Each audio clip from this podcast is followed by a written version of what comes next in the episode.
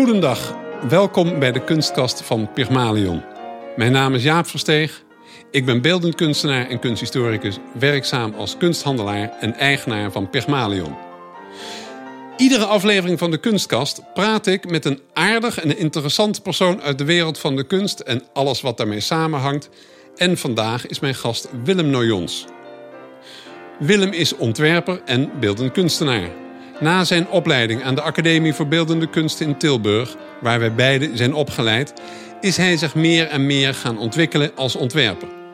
U kunt hierbij denken aan grote objecten als interieur en meubels, maar tevens aan kleinere voorwerpen als sieraden, penningen, groot zilver en glas. Willem, welkom in de kunstkast van Pygmalion. Fijn hier te zijn, Jaap. Laten we beginnen bij jou als persoon. Hoe is jouw belangstelling voor de beeldende kunst ontstaan? Ja, dat is, dat is eigenlijk ehm, wel grappig. Het is niet. Ik kan me niet herinneren dat het ineens is ontstaan. Het, eigenlijk was het er, omdat ik natuurlijk ben opgegroeid in een, uh, in, uh, een huis met een atelier, een galerie en ehm, eh, een plek waar mensen naartoe kwamen om te werken, te kopen, te, noem maar op. Dus ik, die beeldende kunst die zat door het hele leven heen gevlochten. Ja. Zo heb ik jou natuurlijk in feite ook leren kennen, want ik kwam al als jongen aan de hand van mijn ouders, die jouw ouders ook kenden, kwam ik al bij jullie op bezoek.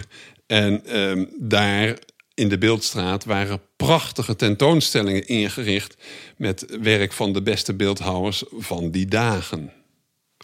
Ja, dat is zo. En uh, uh, dat komt, of dat is eigenlijk ontstaan. Uh, mijn vader begon in de vijftig jaar als edelsmid. zijn primaire doelgroep, zou je nu zeggen, was de katholieke kerk, waar van alles voor gemaakt werd. En die, de, terug, eh, de terugloop daarin, in de begin van de zestiger jaren, um, inspireerde hem om naast uh, dat grotere, die grotere werkstukken, om sieraden te gaan maken.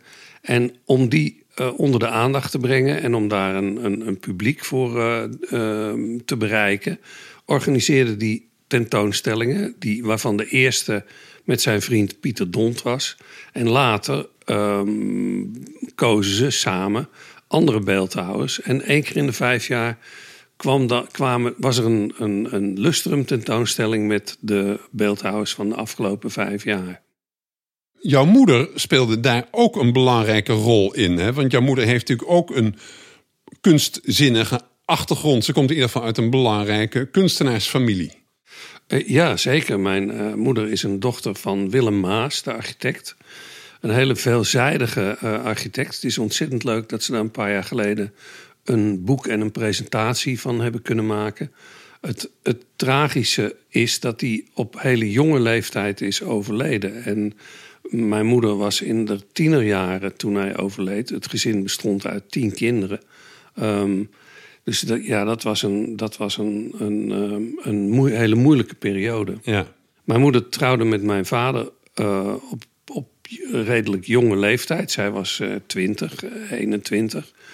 Um, en um, uh, zij, samen hebben ze dat galeriegedeelte uh, vormgegeven. Mijn moeder was ongelooflijk goed, is ongelooflijk goed in uh, het communiceren met, met, met mensen, het, het mensen overtuigen. Um, en die, zij, zij, was, zij, zou, zij was eigenlijk de marketing, uh, het marketinggedeelte van ja. de gezamenlijke onderneming. Ja. En ja, ik wil nog even terug naar dat, dat atelier. Want als ik daarover nadenk, dan, was dat, dan moet je je voorstellen... dat was een groot pand uh, op de beeld, aan de Beeldstraat. En uh, daar had je beneden de galerie, een grote ruimte... met daarachter, dan half naast, een atelier... met mm, vijf, zes, zeven mensen die dingen aan het maken waren... Uh, en boven woonde niet alleen het gezin van mijn ouders met zes kinderen, maar ook mijn grootouders in eerste instantie. Dus het, en een, uh, in een bepaalde periode was er ook nog een dienstmeisje wat, uh, eh, nodig was om, om te helpen om alles een beetje in goede banen te leiden. Dus je, je kunt je voorstellen dat dat een hele levendige boel was.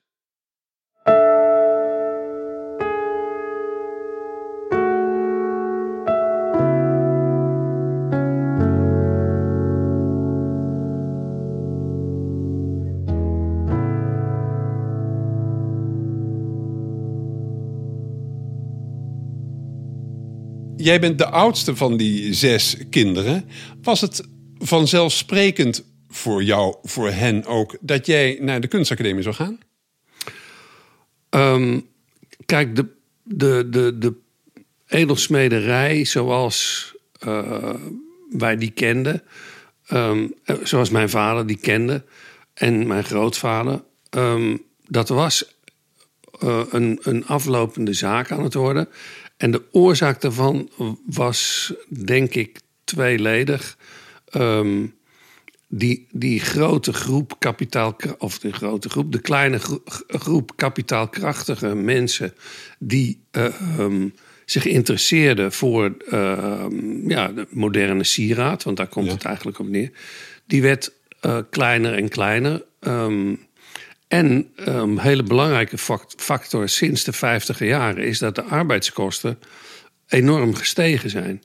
Dus ja, eigenlijk voor de, voor de middenstand, of de middenstand plus, zeg maar, um, kwamen die dingen, werden, werden de producten van een edelsmederij, waar je toch, die, die eigenlijk allemaal unica waren ook, met de hand gemaakt, um, ja, die werden gewoon allemaal te duur. En ja dat zag je veranderen. En je zag, het, je zag de verkoop moeilijk, moeilijker worden. Ja.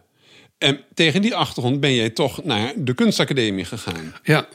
In maar, Tilburg? Ja, dat, uh, onze ouders wouden ons natuurlijk behoeden voor een hoop narigheid. Dus ja. die hebben bedacht... Kijk, die kunstacademie is leuk. Ik zou natuurlijk ook naar uh, de Rietveld... waar ik toen ben gaan kijken, of in Arnhem... waar ik toegelaten was... Um, uh, dat zou, ik, zou ook gekund hebben. Maar het voordeel van um, Tilburg, waar we zaten, ja. was die lesbevoegdheid. En dat, ja. mijn vader gaf inmiddels ook les. Ja. En dat zag iedereen als een soort uh, redding. En omdat dat andere, als die, die vrije, dat vrije kunstenaarschap toch wel laten we zeggen, financieel een heel onduidelijk um, en, en um, onzeker bestaan was. Maar jij hebt volgens mij na afloop amper les gegeven. Nee, ik heb een uh, korte periode op middelbare scholen les gegeven. Maar dan praat ik over maanden. Ja. En ik heb um, met een collega een cursus edelsmeden opgezet. Ja. En um, ik, aan de andere kant is dat lesgeven en het overdragen van kennis en het inspireren van jonge mensen uh, met, ja, met onze achtergrond. Dat, dat is, heeft altijd, is altijd een rol blijven spelen. Ja. Ik heb altijd leerlingen gehad. Uh, ja. Ook doordat het atelier. Ja, ik, had ik heb eigenlijk best altijd een groot atelier gehad met meerdere uh, assistenten. En uh, daar speelden, uh, speelden jongeren en uh, altijd een, best een grote rol in. De eerste jaren kan ik me herinneren dat jij werkzaam was als ontwerper. Um, toen was je natuurlijk nog ook bezig met ontwerpen van sieraden. Maar je ging ook al betrekkelijk snel penningen ontwerpen hele specifieke penningen. Ik kan me herinneren penningen die je hebt gemaakt voor de Vereniging voor Penningkunst. Maar uh, je bent toen ook die penningen gaan maken waarin je hout bent uh, gaan verwerken. Dat is overigens misschien ook een kenmerk van jou, dat je heel veel verschillende materialen altijd hebt verwerkt in je ontwerpen. Is dat zo? Ja, ik. Um, kijk, de edelsmederij, daar ben ik een beetje ingevallen Um, letterlijk en figuurlijk. Uh, omdat mijn vader in 1982 overleed. En uh, ja, zijn edelsmederij had werk en uh, had opdrachten lopen. dus ik, um, ik dacht, nou, ik zou, dat kunnen, ik zou daarin kunnen, kunnen stappen. En dan dat langzaam transformeren naar eh, wat ik eigenlijk wilde, een, een, een ontwerpstudio. Ja. En eh, met een st- klein stukje eigen productie misschien. Nou, dat, dat, dat is wel, eh, dat hebben we ook wel gerealiseerd. Ehm, en die penningen, ehm, dat, dat is inderdaad een soort rode draad gewe- ge- gewe- eh, gebleven Ja. in, mijn, in mijn werk. Ik heb e- elk jaar ehm, wel een aantal penningen gemaakt. Ehm, en ja, ik vond die ontwikkeling vanuit de platte schijf en ehm, de medaille, zeg maar, de tweezijdige medaille, ehm, naar veel experimentelere dingen, kleine sculpturen, dat soort. eh, die, die, die, die, die heb, dat heeft altijd een rol gespeeld. Ja. Of dat ben ik eigenlijk blijven doen. Ehm, en de- terwijl de, de twee hele belangrijke aspecten van een traditionele penning of medaille ehm, zijn constant gebleven. En dat is in de eerste plaats het intellectuele, de maat Ja. en het intellectuele aspect. Je, een penning is een klein, kleine sculptuur die, je in je, die hoort bij de maat van je hand. En die kun je bekijken. En bij, die, bij dat bekijken hoort een overweging. Een, een eh, esthetische, maar misschien ook eentje over hoe is het nou gemaakt en hoe werkt dat nou en wat zie ik eigenlijk en eh, dat soort dingen. Dus de, de, de penningen die ik. En wat kun je ermee doen? Ik vond het toevoegen van functionaliteit of zelfs mul- multifunctionaliteit ehm, altijd heel interessant. Ja. En daar hoort vanzelf eigenlijk bij een interesse in allerlei eh, eh, materialen en productietechnieken die je op die kleine maat heel, heel leuk kunt, kunt uitproberen en toepassen.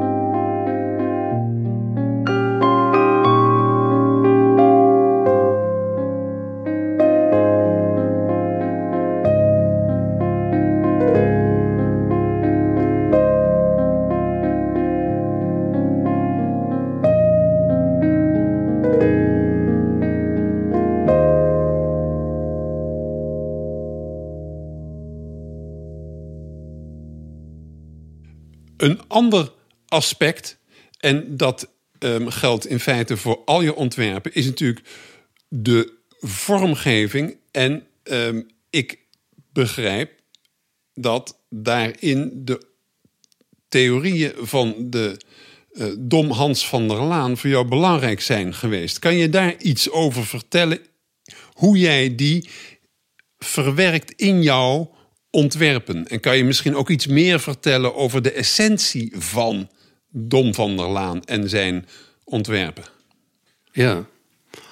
Ehm, dan moet je eigenlijk terugdenken aan de periode waarin wij beide zijn opgeleid. Ehm, en hoe er toen, oh, dus dat is ja, zeg maar post-60er jaren. En hoe er toen over beeldende kunst werd gedacht.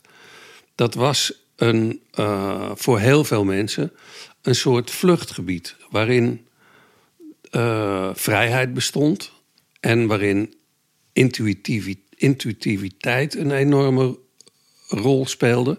Emotionaliteit. En eh, ja, wijzend naar de geschiedenis en naar figuren.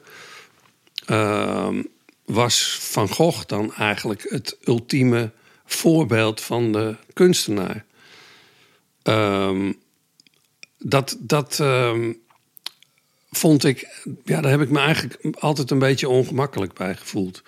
Dus eh, ik, waar ik naar zocht was, een, was om grip te krijgen, om te begrijpen eh, wat je nou eigenlijk aan het doen bent. En dan niet alleen op artistiek niveau, maar ook op technisch niveau En ook op economisch niveau. Dat, dat zijn allemaal aspecten die, waarvan ik vind dat ze bij ons vak horen.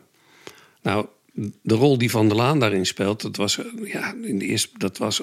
Uh, dat interesseerde, dat fascineerde mij, omdat het zo totaal anders was dan alles waar wij mee te maken kregen. Het was een monnik. Hij was monnik geworden in een periode, of ja, eigenlijk al. Hij was al monnik in een, in een periode, de 20e eeuw, dat iedereen steeds meer afstand neemt van, dat religieuze, uh, van die religieuze levenshouding. Um, en wat mij nog meer intrigeerde, uh, was het feit dat hij een, rationeel, een rationele benadering uh, losliet op architectuur en vormgeving. En ik heb heel veel um, mijn best gedaan. In de eerste plaats om zijn publicaties te lezen. En later om met hem in contact te komen. Um, toen ik van de academie kwam en, en begon met mijn eigen werk, ben ik regelmatig naar Vaals gegaan, waar die woonde, om de architectuur te, te bewonderen en te begrijpen. Maar ook om met hem te praten over hoe ontwerp je nou eigenlijk iets. En, um, en zijn theorie, in ieder geval tot op zekere hoogte te begrijpen en te kunnen toepassen. Um, zijn, als, je, als je er goed over nadenkt, en dan is zijn hele oeuvre terug te voeren uh, deels op de Benedictijner levenshouding. Van je moet de dingen maken die je om je heen nodig hebt. En dat doe je zelf. En dat doe je zo eenvoudig mogelijk. En um, zo, uh, zo mooi mogelijk. En wat hij, wat zijn, zijn zoektocht was eigenlijk een antwoord vinden op de vraag: hoe groot maak je eigenlijk iets? wat, want want uh, ja, ja, we, we beginnen met als je iets gaat maken, dan denk je nou, kijk, het moet ongeveer zo groot zijn. En voor een stoel en voor een tafel heb je NEN-normen en voor een deur.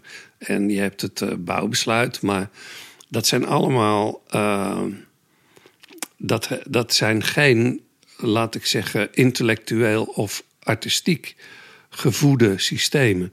Dat zijn systemen die beperkingen opleggen. Terwijl zijn systeem uh, in principe uh, een vorm van maatbeperking ook een vorm van maatbeperking is. Want kijk, in principe kun je, heb je een oneindig aantal maten. En wat hij doet, is die maten structureren en uh, reduceren tot datgene wat je nodig hebt. Dus in plaats van een uh, traploos glijdende schaal he, uh, maakt hij sprongen in zijn maten. En die sprongen die zorgen ervoor dat die maten een relatie tot elkaar hebben.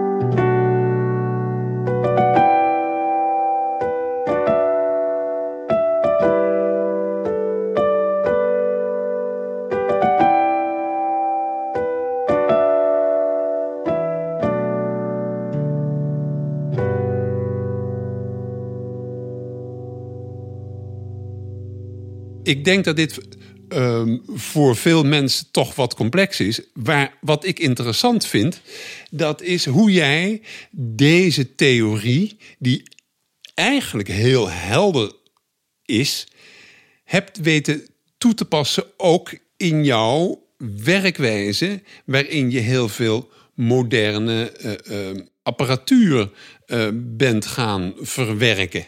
Jij hebt toch zodra bij wijze van spreken de mogelijkheid tot bij wijze van spreken de 3D-printing ontstond, ben je daar gebruik van gaan maken. Maar ook allerlei andere technische ontwikkelingen op het gebied van vormgeving heb je altijd echt heel erg gevolgd en meteen, als het kon, toegepast. ook 3D-visualisaties, productiemethoden. Daarin daar heb je gebruik van gemaakt. Maar tegelijkertijd ben je toch ook altijd blijven uitgaan van Dom van der Laan zijn plastisch getal. Zeg ik dat juist? Ja, kijk, ik was uh, in het atelier is de komst van de PC een enorme verrijking geweest. Hè? En, maar dat, dat gebeurde bij ons op verschillende vlakken. Ik maakte veel penningen uh, die een grafische film als, uh, als basis hadden. Wij, wij uh, etsten in, in metaal, dubbelzijdig, waar je een ronde penning uit kon maken. Uit platen. En die, die, dat relief wat daar in die uh, dubbelzijdig werd aangebracht, dat gebeurde door middel van fotochemisch etsen. Dat is een grafische techniek. En de films daarvan werden vroeger van een tekening gemaakt, van een met de hand gemaakte tekening. Maar die konden, toen de PC kwam en je uh, lettertypes kreeg in de PC, kon je ja, van alles uh, via die PC maken. En dat gaf uh, daarin een enorme ontwikkeling. Vervolgens konden we, bleek ook de boekhouding in de PC doen. Dat is ook niet, niet onbelangrijk. En toen kwamen de eerste 3D-programma's. En die gebruikte ik om mijn ideeën en ontwerpen, die je natuurlijk niet, uh, die de PC niet maakt, maar die je tekent in een uh, PC en concipieert op papier. Maar die kon je in 3D visualiseren. Ja. De, de eerste Macintosh, uh, daar maakte ik een glazen vaas in. En die stond dan twee nachten te rekenen. En soms had je dan een print, kon je er een print van maken. Maar soms was die ook vastgelopen en dan moest je weer totaal overnieuw begonnen. Ja. En ja, zo, zo, die ontwikkelingen. De eerste fax met um, rubberdoppen die op een telefoon uh, gedrukt werden. En uh, dan een, een, gruwelijk piepgeluid maakte. Maar ik kon dan wel mijn tekeningen voor, voor glas wat gemaakt, gemaakt werd in Tsjechië. De tekeningen voor de mallen kon ik vooruitsturen als ik ging rijden in Nederland. Ja. En dan waren die, die houten mallen die waren klaar als ik aankwam in Tsjechië. Ja, wat even voor de duidelijkheid. We hebben het, ik heb het net zo gehad over penningen. Maar je hebt natuurlijk veel meer dingen gedaan. Je bent ook uh, dingen gaan ontwerpen. Je gaf het net al aan. Um, met glas. Vanuit de mogelijkheden die glas te bieden heeft. Maar uh, ja, noem zelf maar. Wat heb je allemaal voor dingen gemaakt? Het is een eindeloze reeks. Ja, dan. Ik noem eens een top we... 10, Willem. nou, ik denk. Um, zoals je bij je kinderen ook nooit kan zeggen welke het meest dierbaar is, uh, kan ik dat van, van, um, van mijn werk eigenlijk ook niet. Maar wat, uh, wat interessant is, is om te bedenken dat je van het ene in het andere rolt. Uh, door bijvoorbeeld met die, door vrij, vrijwel aan het begin van mijn, van mijn carrière met die penningen te beginnen. En grote oplages te maken. Hè. Praat ik over oplages van 100.000 uh, exemplaren voor Robeco in 79. Um, was voor mij een, een, een, fantastische opdracht. En die kreeg ik van uh, Theo en Lydia Scholte. Theo Scholte was toen um, CEO bij Robeco. Die vierde hun 50-jarig bestaan. Uh, en Robeco, uh, Theo Scholte, heeft later Beelden aan Zee gesticht. Ja. Nou, dat is natuurlijk. Kijk, dat is, dat is ook zo'n voorbeeldje van hoe, hoe je van het een in het ander komt. Hoe ik van het een in het ander kwam, was dat ik zag dat bij die uh, productie van penningen, dat een grote oplage economisch natuurlijk een heel ander verhaal is dan een, um, dan een enkel, enkelvoudig uniek sieraad. Ja. Dus die mogelijkheden zag ik ook in glas. Nou moest ik wachten totdat, uh, dat, totdat die communisten weg waren. Want ik durf niet in een land waar je misschien niet meer uit mag komen met mijn licht claustrofobische uh, aanleg. Dus toen de grenzen open gingen, was ik, uh, stond ik vooraan om in de glasindustrie te gaan werken. Ja. En, en dat, ja, dat, dat, is een, dat is een avontuur geweest. Ehm, wat, wat fenomenaal is. En jij bent meerdere keren mee geweest. Ja, ja. En jij, jij gaat nu zelf Ik vond vaak het, naar Tsjechië. ja, maar ik vond het ook fantastisch. Als wij daar naartoe gingen met z'n tweeën. Ja. En Je had toen wel eens een. Dan huurde je een auto. Volgens mij had je een keer een Mercedes. En ik wil toch eventjes nog memoreren dat we met die huurbak pannen kregen. En dit eh, is exemplarisch voor je technisch vernuft. Je deed de motorkap open. Je vroeg aan mij, Jaap, mag ik even je zakmesje lenen? Je hebt bij een een of ander slangetje er een stukje afgesneden... dat we aan een ander tuutje gemonteerd... en we zijn op en neer naar Tsjechië gereden. Ik vond het fantastisch. En in die tijd, dat vond ik ook nog mooi... in Tsjechië, het was betrekkelijk kort na de val van de muur. Alles was grijs, volgens Ja, mij. ja, ja. Het vlees was grijs, het bier was... de mensen waren grijs, het eten was grijs. Maar het was was altijd wel goed, hoor. Ja, en de mensen waren overigens misschien weliswaar grijs... maar alleraardigst. En Ja. ik heb toen werkelijk genoten. Maar even weer terug. Ehm, je bent toen inderdaad veel met glas gaan werken. Ehm, ik kan me ook nog een naam als Jan Novotny herinneren. Een Peter Novotny, Peter ja. Novotny. Ja. Je maakte daar ook replica's, maar je deed ook eh, eh, voor musea heb je glaswerk eh, gemaakt. Nou, dat is wel een leuke link. Ik, ik, ik, voor mij was dat glas natuurlijk een nieuw gebied. Ja. Ehm, en ik, waar ik niet zoveel van af wist. En ik dacht, ja, waar, waar moet ik nou... waar, waar zou ik daar nou meer, van, meer over te weten kunnen komen? Dus ik ben naar het Rijksmuseum gegaan. En ik was vooral geïnteresseerd in, de, in, de oude, eh, in, het, in het oude glas. Berkenmeijers, Roemers. Ja. eh, maar ja, die zitten allemaal in een vitrine en daar mag je niet aan zitten. Dus ik eh, heb contact gezocht met de conservator en gezegd... Ik, ik had voor mezelf bedacht, hoe krijg ik die dingen nou in handen? Dus ik wist dat, daar, dat er op, op verschillende plekken in Tsjechië replica's gemaakt werden. En ehm, ik heb de, de winkel van het Rijksmuseum toen de tijd... ik praat nu over de negentiger jaren, begin negentiger jaren... Ehm, en de conservator dat het een goed idee zou zijn om die replica's eh, in, de in de winkel eh, te verkopen. Nou ja, ze zagen er eerst, niet zoveel in, dus ik heb eh, nou, veel op eigen kosten ontwikkeld. Maar ik kreeg wel de kans om in hun collectie te studeren en om Ja. te kijken hoe dun is het, hoe, hoe zijn die maten, hoe, wordt het, hoe is het gemaakt. En dan, eh, als ik daar voldoende van dacht te weten, dan eh, ging ik naar Tsjechië en dan besprak ik daar met verschillende producenten van hoe zouden we dit kunnen maken. En zo is een hele mooie lijn replica's ontstaan. En kwam ik van de, bij het museum, raakte ik bekend als eh, iemand die dat eh, zorgvuldig eh, doet en waarbij kwaliteit een, een, een, een heel belangrijke overweging is. En toen zijn we ook ehm, replica's of reconstructies van beelden gaan maken. En dat, dat traject is steeds verder gegaan. Ja. Je bent nu nog steeds veel voor het Rijksmuseum bezig.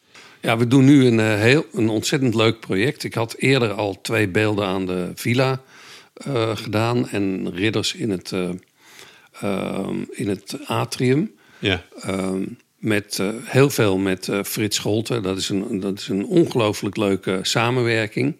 Ehm eh, wij hebben samen bijvoorbeeld ook de beelden uit de tuin van Paviljoen Welgelegen eh, in Haarlem. Ja. Die ehm, gemaakt waren door Rigetti. Ehm, daar heb, heb ik bronzen eh, kopieën van gemaakt. En de originele, die van lood waren, die zijn teruggegaan. eh, die staan nu in de atria van het Rijksmuseum. Ja.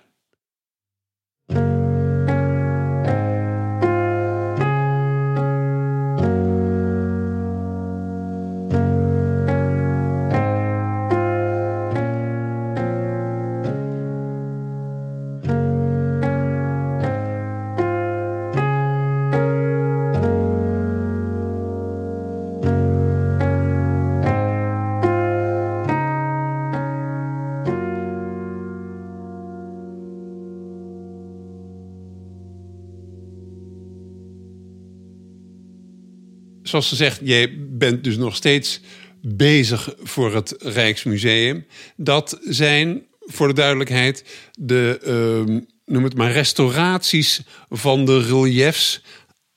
Ook boven de deuren met name. Zeg ik dat goed? Ja, de, de, het bijzondere van dat gebouw van Kuipers is dat uh, hij met zijn, uh, laten we zeggen, kunst die aan de buitenkant is toegepast, uh, dat hij een heel verhaal vertelt. Ja. dus het, het, is een, eigenlijk een leesbaar gebouw, ja. wou die maken. En dat, dat vind ik fantastisch. En ik vind het ook ontzettend leuk om me te verdiepen in de geschiedenis ervan, voor zover ik dat, dat kan.